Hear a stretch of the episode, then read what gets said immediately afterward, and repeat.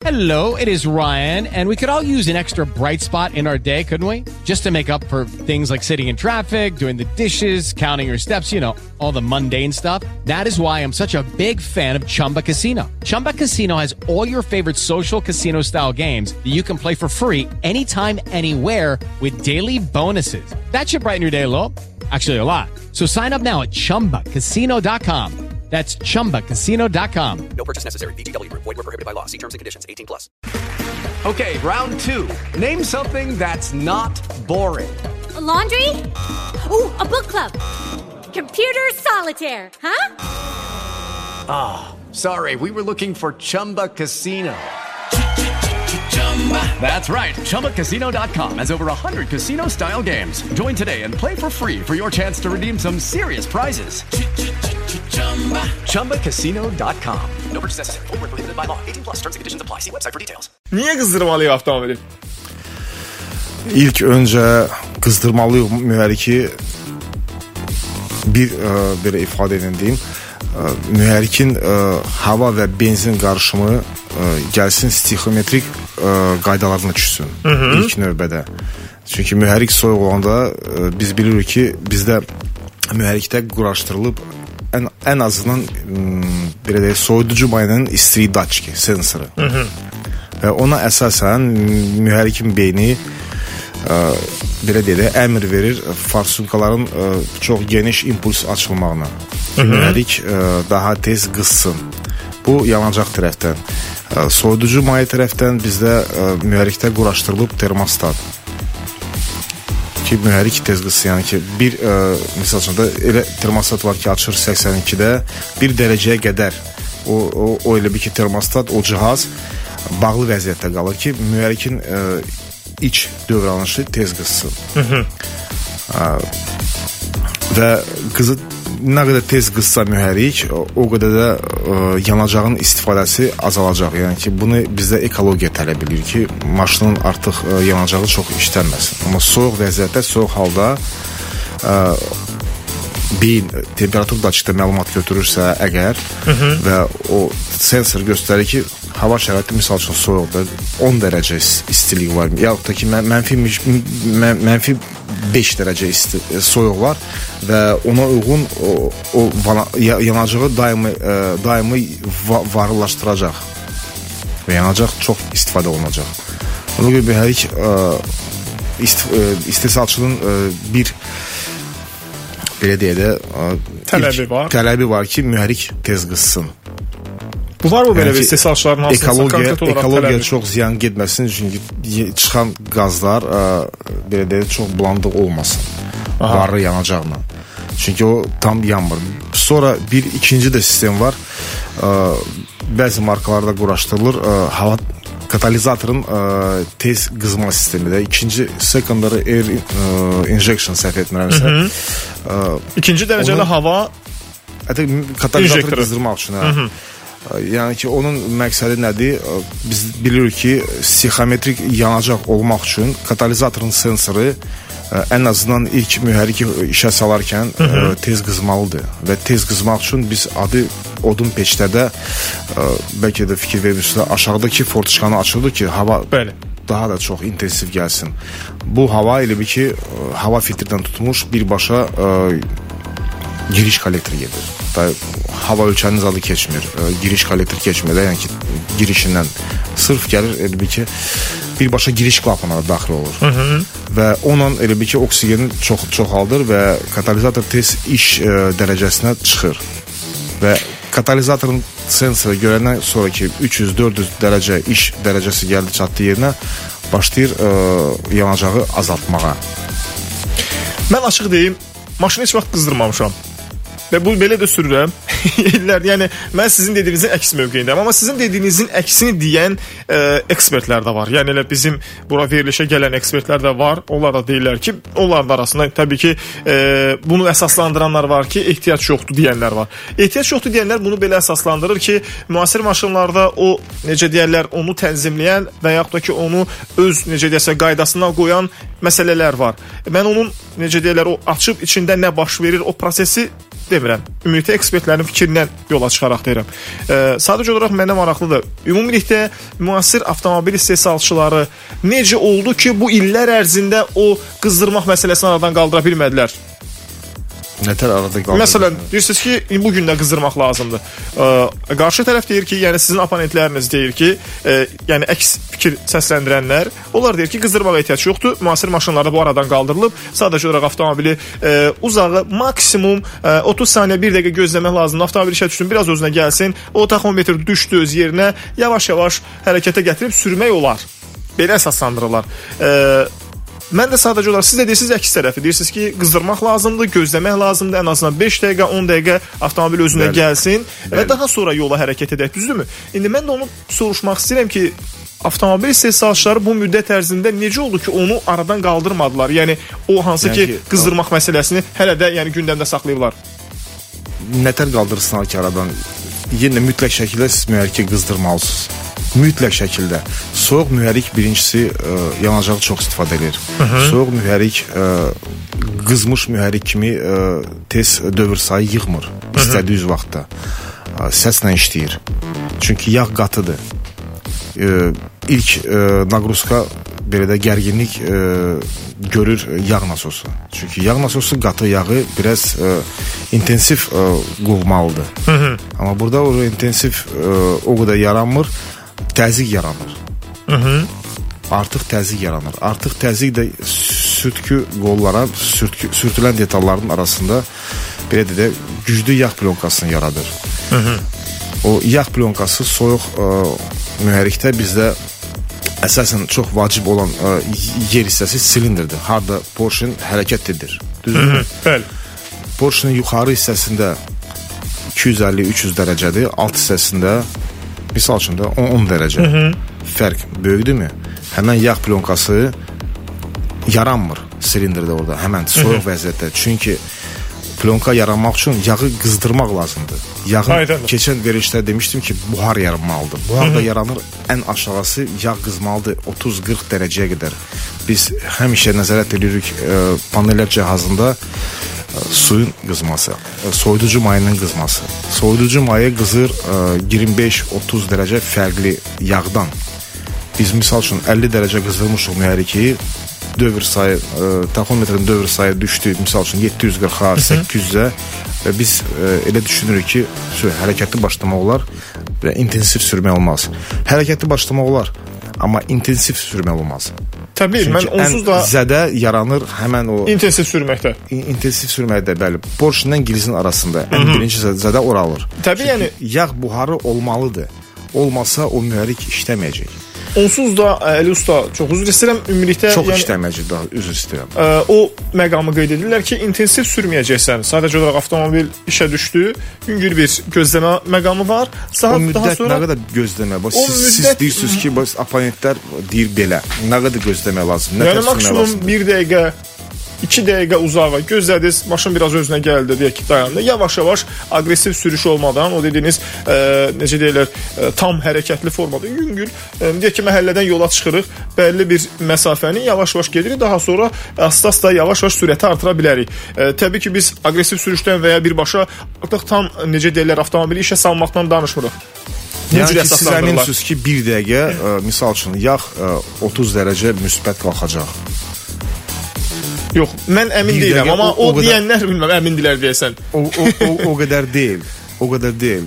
Belə deyək ki, yağın qızması biraz gec olur Hı, Aydındır. antifrizdən. Və ona görə Ona görə gözləmək lazım. qızdırmaq lazımdır. Səhərlər maşını işə salanda mühərrik qızana qədər çıqqıltı səsi gəlir. Bu nədən ola bilər? Kia Sorento 2015-ci il. Kia Daha Cerato. doğrusu Cerato. Kia Cerato 2015-ci il. Çıqqıltı gələ bilər ancaq və ancaq ə, stakançiklərdən. Stakançiklərdə orada ə, gidro ə, gidro deyil də, stakançiklər ə, ölçü iləndir.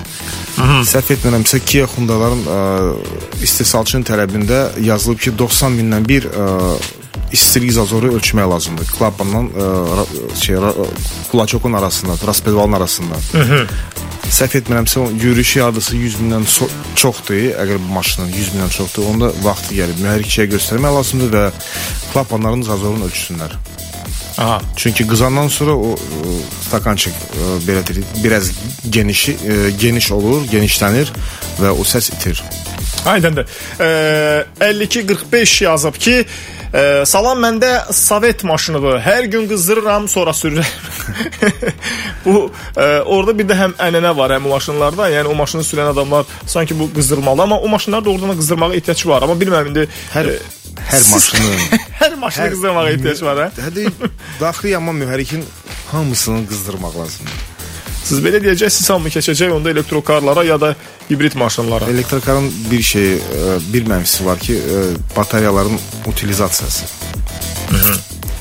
O bütün dünyada deyəsən problemdir. Müəyyən mənada daha Bütün doğrusu dünyada batar problemdir hə, və ekologiya çox təsir var. Təsəvvür edin, 2 il, 3 il sürəndən sonra bütün akkumulyator, e, bataryalar dəyişdirmək lazımdır. Misal üçün Tesla'da 3000 dənə o barmaqçıdan o Kaset kimi belə, kaset bəli. kimi hə, 3000 dənə ədəddir. Hər 3 ildən bir, misal üçün də 5 ildən bir, ya 8 ildən bir dəyişdirməlidir. Maşınlarda sayı ol, çox olsa, hara utilizasiya eləsin? Hara? Yəni akkumulyatorları tökməyə yer tapamayacaq, hə? Bəli. Belə başa düşdüm ki. E, dinləyicimiz daha bir sualda yazıb ki, e, bir sualım da var. E, termostatın işləməməsi benzin yanacağına təsir eləyirmi? Bəli. Nə kimi təsir edir? Misal üçün termostat ə, qalır açıq vəziyyətdə və açıq vəziyyətdə və dövr gedir böyük ə, dairəvi ilə gedir. Aha. Yenə də biz bir vaxt danışdığımız kimi ə, may soyuducu mayenin istilik sensoru var da bizdə mühərrikdə quraşdırılıb. Bəzilərində 2 dənə, bəzilərində 3 dənə, 3 ədəd quraşdırılıb. Və su, həmin temperatur sensoru qeyd edir ki, maşın ya, tam qızmayıb və daimi beyin yanacağı varı eləyəcək. Aydındır. Varı yanacağı da ziyandır katalizatora, ziyandır ekologiya, ümumiyyətlə mühərrikin özünə ziyandır. Misal üçün də 50 qram əvəzinə ideal alışma üçün Məsələn 50 qram benzin lazım. Misal üçün deyəndə 2 kilo hava lazımdır. Bu proporsiya pozulur və yanacağın e, daxil olması biraz çoxalır. Çox yanacaq və az hava. Tam yanacaq yanmayacaq. Tam yanmayan yanacaq geri daxil olur kolçaların ə, yolu ilə üzü aşağı yağla qarışacaq. Aydındır. benzin tam yanmayanda mühərrik çəkmir. Dinamikası yoxdur. 4664 soruşur ki, bəs hibrid maşınlarda nə qədər lazımdır ki, qızdırırsan, qızdırasan onu? Məsələn, Priuslarda. Məsələn, Priusla, Priusu qızdırmaq ə, belə deyək də. Hı Çətin məsələdir, amma Prius mu çətin məsələdir, yoxsa qızdırılması mı? Qız, mühərrikin qızması var. Onlar onların mühərriki Atkinson sadı ilə işləyir də, belə nətə də qoşuldu söndü, relay kimi. Hı -hı. Və daima charge olan Priusda birinci misal üçün 5 kilometr, 6 kilometr elektrik qüvvə ilə gedir və ə, mühərrik işə düşmür və ilk düşmə yerində soyuq olacaq, o da uje sürətdə olacaq. Daima maşın nəqliyyat vasitəsi hərəkətdə və həmən naqruzkanı verirsə də istər-istəməz akseleratorun pe- pedalına ə, basarkən dövr sayını artırmaq istəyirsiniz, sürəti artırmaq istəyirsiniz. O da yenə çalışır soyuq mühərrikdə. Qızdırmağın bir yolu var ki, peçi ə, klimat kontrolu isti vəziyyətə çevirmək və ə, ready sözünə kimi ə, düyməni basmaq ki, mühərrik başlasın özü işlə, işləməyə. Çünki salonu qızdırmaq üçün daxil olma mühərrik ə, işə düşməlidir və başladı qız, baş, başlamalıdır qızmağa. E, maraqlı bir məqama toxundunuz. E, amma bu sualımı yollardakı vəziyyətdən sonra soruşacağam sizdən hibridlərlə bağlı. E, deyirsiniz ki, müəyyən mənada orada mühərrik soyuq olur ilk bir neçə kilometrdə və yaxud da ki, ilk mərhələdə mühərrik Tokun hibriddə qüvvəsi ilə hərəkətə başlamışsınız. hərəkətə başlayır və Enerji enerji Yəni varır da. bəli, akkumulyatordan gedir. Biz elə mühərrik işə, salmamış. E, hibrid maşınlar işə düşərkən e, 1 1 kilometrdən təxminən 6 kilometrə qədər olan bir məsafədə elektriklə çalışır maşın və daha sonra mühərrik işə düşə bilir. Daha doğrusu işə düşməyə başlayır. E, yəni istehsalçı heç mi düşünmədi ki, bu avtomobil soyuq mühərrikə işə düşəcək və ona müəyyən problemlər yarana bilər və bunu bu cür istehsal elədi və o soyuq mühərrikin təhlükəsini başa düşərək bunu istehlakçılara necə deyirlər təqdim etmiş oldu. Mən Priusla əlaqədar ə, texniki bültenləri oxumuşam 2 dəfə. 3 dənə fayl qeyd ki, 3 dənə faylla tanış olmuşam. Mən o məlumatı axtardım, mən onu tapa bilmədim. Ki ümumiyyətlə hibrid maşınların Priusa əsasən V20 gövdə və V41 gövdə iki, iki, iki maşını oxumuşam. Yəni ki, orada qızma söhbəti ümumiyyətlə ə, sənədlərdə yox idi. Qızma söhbəti yox idi. Bəlkə istehsalçı onu özü nəsə tənzimləyib. Yəni biz deyən kimidir, siz deyən Nətər? kimi yox. Hansı yolla? hansı yolla? onu hələ müəyyənləşdirə Mən, bilməmisiniz. mən dediyim va- variant ə, mən düşündüyüm qədər ki, yəni salonu əgər qızdırmaq istəyirsənsə dərəcəni qoymalısan, çevirməlisən isti vəziyyətinə və peçi heç olmasa birinci aborda qoşmaq ya ikinci aborda qoşmaq ki, ə, beyin başa düşsün ki, salon qızmalıdır və salonu qızdırmaq üçün ə, Mühərrik işə salsın ha. daxili işə mühərrikə işə salsın, bəli. E, yeri gəlmişkən o e, bilmirəm o hibrid maşınlarda necədir? Yəni e, doğrudan məsələn salonu Soyutma sistemi misal üçün hibriddə ə, Priuslarda əksinədir, inverter tipində işləyir. Yəni orada kompresor tok tokun gücünə işləyir. Aha. Yəni ki, ə, soyutmaq üçün ə, salonu mü- daxili mü- mühərrik yəni ki, iş, işə düşməməlidir. Yəni ki, tam batareyanın gücünə işləyir. E, yaxşı məsələn səhərdir mühərriki qızdırmaq bir yana, salonu qızdırmaq istəyirik. E, mühərrik də öz özlüyündə soyuqdur aydın məsələdir. E, belə olan halda əgər ilkin mərhələdə biz avtomobili elektriklə idarə ediriksə, salon necə qızır ümumiyyətlə? Yəni hibridlərdə sxem necədir? Siz yenə də istiyə çevirirsiniz ə, poложениyanı Aha. və ondan sonra Mühərrik işə düşür. Mühərrik işə, işə düşür, bəli. Yəni belə olan halda, yəni indiki halda deyək ki, məsələn biz e, istəsək əgər akkumulyatorla işləyirsə hibrid maşın, yəni mühərrikə keçməyibsə, salon qızmayacaq. Yox. Soyutmandan misal üçün kondisioner sistemi soyudacaq, amma qızdırmaq üçün mü mütləq şəkildə mühərrik qoşulmalıdır, işə düşməlidir.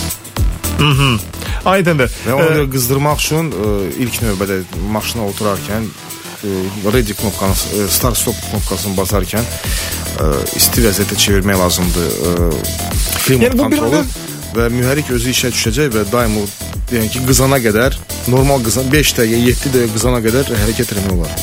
e, biz siz əslində sizin dediyiniz e, variant ağla baxanda məntiqli variant. Amma e, düşünmürəm ki, misal üçün e, Toyota otursun fikirləşsin ki, yox bunu mühərrikin qızdırmaq üçün gəlin biz belə bir variant işləyək. Deyək ki, misal üçün səhər-səhər mühərriki nə bilim e, müəyyən bir havanı da məsələn sobanı işə salaq ki, avtomobil orada qızsın, həmin paraleldə də mühərrik qızmış olsun. Yəni ya Mən bu yoxlamışam, yoxlamışam. 30 gövdədə də yoxlamışam.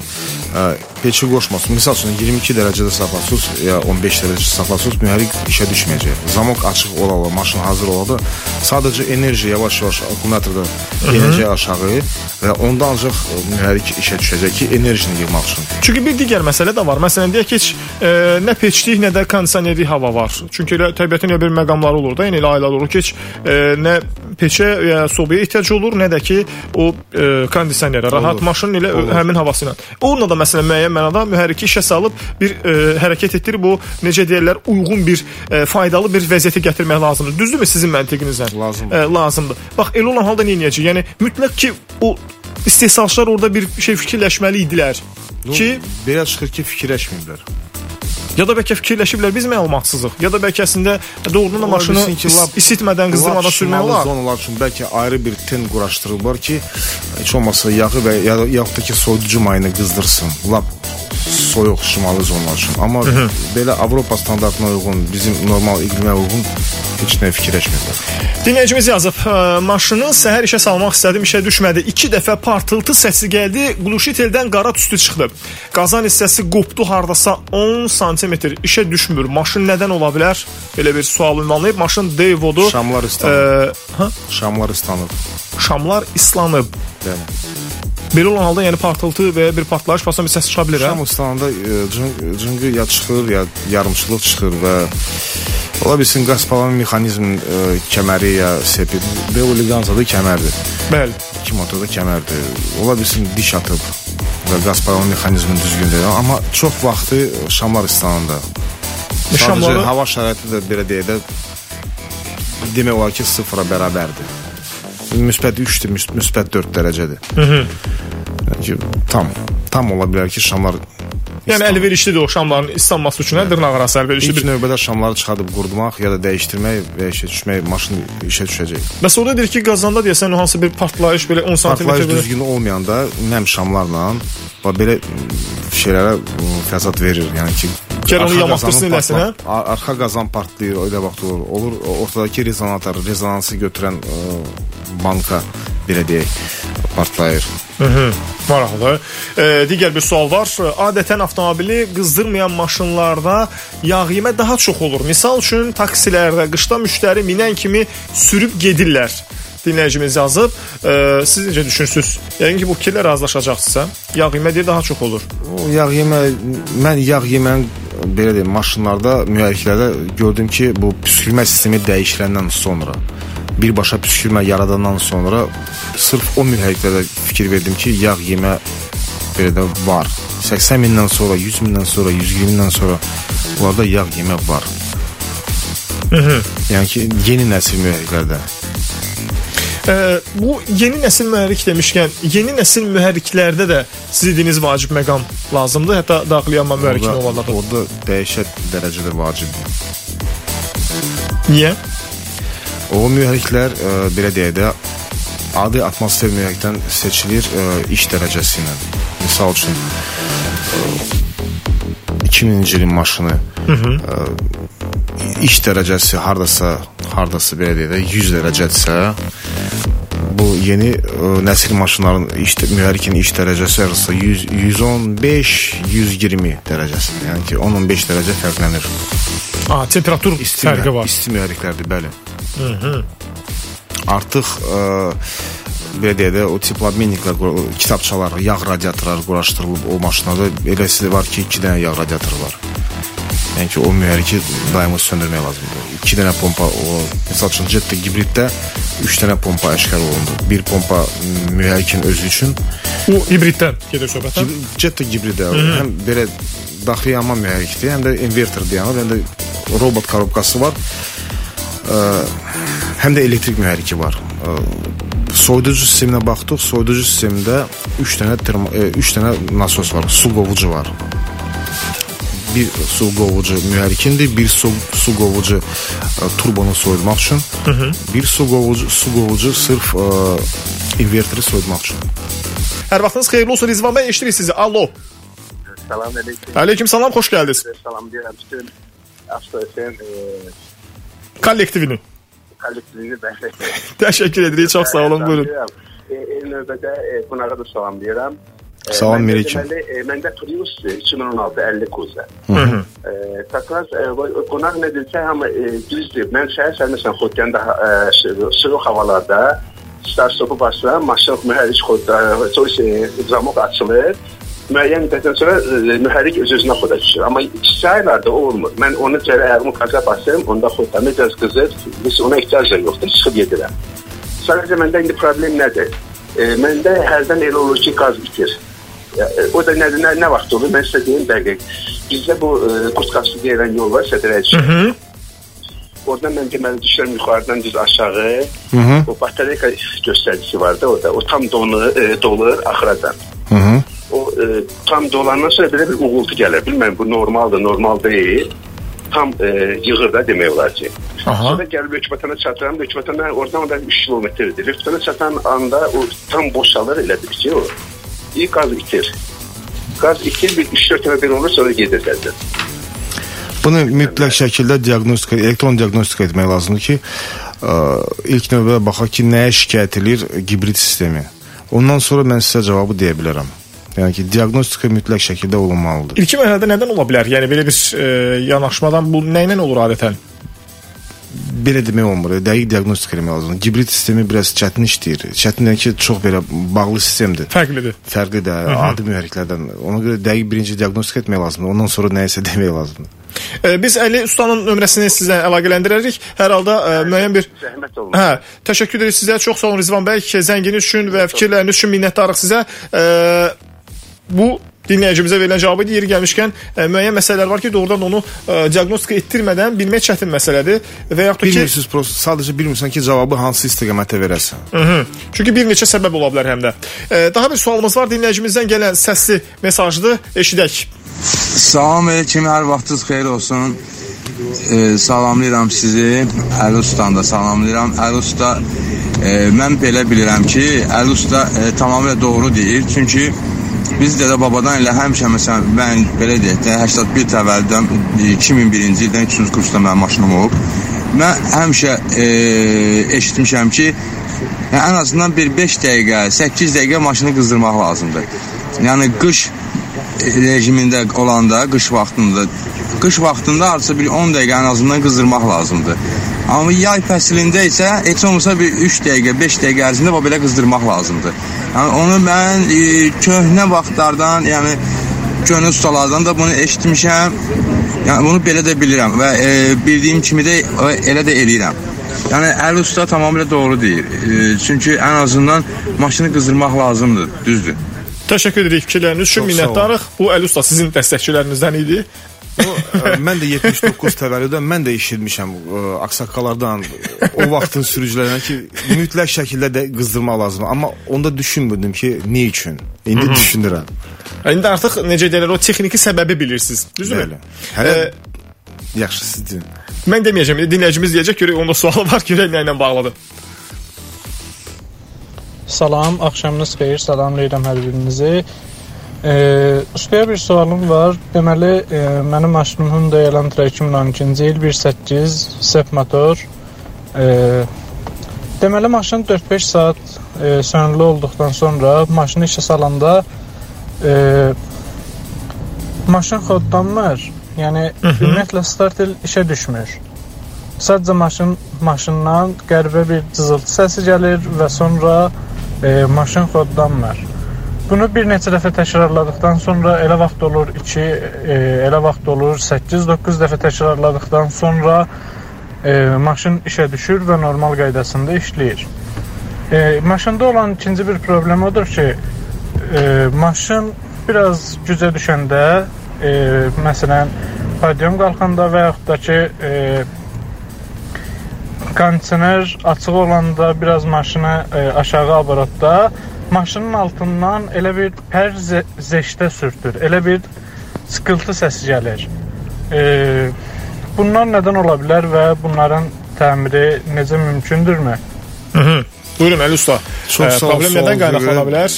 Problem birinci problem ə, qa- qaynaqlana bilər ə, sadəcə ə, ya starterin özündən, starterin üstündə ə, belə deyək də Bendix, ə, abqonlu mufta deyilən bir şey var. Bendix var. Ola bilsin Bendix ə, dişin üstünə düşmür ya ə, avtomat çəkib onu atmır və ona görə 7 8-ci dəfə, 9-cu dəfə xodlanır maşın. Yaxud da ki, o Bendix problemi deyil, problem ə, zamokun arxasındakı kontakt qrupdan fibra deyilən bir şey var. Ya da ondan ola bilər. İkinci məsələni qulaq asmaq lazımdır. O maşın ə, podiuma qalxanda, naqruzka olanda o sürtülən səsə onu daima eşitmək lazımdır ya çıqqıltı səsi eşitmək lazımdır. Ola bilsin çıqqıltı səsi ə, üzü yuxarı podiuma qalxanda detonasiyanın səsi ola bilər. Ə, dinləyici onu eşidir. Keyfiyyətsiz benzin, oktan az olan ədədli benzindir, yanacaqdır və tam çatdıra bilmir. Naqruzkada daima gərginlikdə o şaqqıltı səsi, səsi verə bilər, dəmir səsini verə bilər. Amma belə eşitmək lazımdır. Aydındır. E, dinləyicimiz e, mövzumuzla bağlı fikrini yazıb ki, mən e, Prius 20 gövdə sürürəm avtomobili səhər sobanı qoşaraq qızdırıram ustanın dediyi kimi. Bu sizinlə razılaşıb. Bu dinləyicimiz e, daha bir sual da var. Onu da eşidək. E, səsli mesaj göndərib dinləyicimizdən gələn sual görə nə ilə bağlıdır? Axşamınız xeyir olsun. Bu Mazdalarda 2014-dən sonra Skyactiv mühərrik gəlir. Bu yeni tipli mühərrikdir. Ə, Məndə məsəl üçün Mazda CX-5-dir Skyactiv 2014 model. Mən qızdırmıb sürürəm. İndi səbəbi də odur ki, vaxt azlığı olur, tələsirsən, mindin, sürdün, getdin. Yəni bu mühərriklərlə rastlaşmısınızmı? Bunları soyuq halda sürmək olarmı? Təşəkkür. Çox sağ olun. Biz təşəkkür edirik sualınız üçün. E, Bayaq dediyim kimi birbaşa püskürmə. Sadəcə e, Mazdalarda Skyactiv-dir, Mercedes-də SGI-dir, VAG qrupunda TCI TFSI-dir, ya yaxud da ki FSI-dir və bəli, bunları e, qızdırmaq lazımdır mütləq şəkildə. E, sadəcə 100-150 min e, yürüyüşdən sonra bunların mühərrikində gizlərdə zədələnmə olur və porşinlərdə. Əgər mühərrik qızdırılıb sürülmürsə, e, yəni ki, porşin, silindr və porşin qrupu e, tez zədələnir Aha, aydındır. və sonra başlayır yağ yemə və kompressiya etkisi. Dinləyicimiz yazıb ki, təzə Honda hibrid sistemindən nə deyə bilərsiniz? Qısaca. Çox az vaxtımız qalıb. Hələ ki rast gəlməmişəm. Ha, hələ bir müştəriniz Ona olmuyor. görə bir dənə məlumatım yoxdur. Bir dənə gəlsin, görün baxım nədir, ətraflı danışarıq. Ondan sonra danışarıq. Təşəkkür edirik suallarınız üçün. Yeri gəlmişkən Əli Usta e, həftənin çərşənbə axşamı da bizim qonağımız olacaq. Yəni gələn həftənin, gələn həftənin ikinci günü e, ünvanlanan suallardan qalanlar oldu. Vaxt darlığından biz onları səsləndirə bilmədik. Mütləq həmin sualın cavabını Əli Ustaya biz ünvanlayacağıq. Həftənin gələn həftənin ikinci günü çox maraqlı bir mövzuyla yenidən qarşınızda və qarşımızda olacaq Əli Usta. Suallarınızı rahat şəkildə döşəyə bilərsiniz. Nə istəyirsiniz, hansı hissədən e, Əli Usta bacardığı qədər cavablandırmağa çalışacaq. Mühərrikin ə, qızdırmasından söhbət elədik. İndi ikinci gün inşallah söhbət elərik avtomat sürət qutusunun qızdırmağından. Və mən sual vermək istəyərdim ikinci günə qədər rahat ki, avtomat sürət qutusunun ə, mayesi hansı yolla qızır? Nədən qızır? hə? Nədən qızır? Aha. Bax bu mövzunu müzakirə edəcəyik, amma istərdim ki, indi e, bu günlük müzakirə etdiyimiz mövzunu və müzakirə etdiyimiz məsələni yekunlaşdıraq. Fikirlər müxtəlif, yanaşmalar fərqli idi.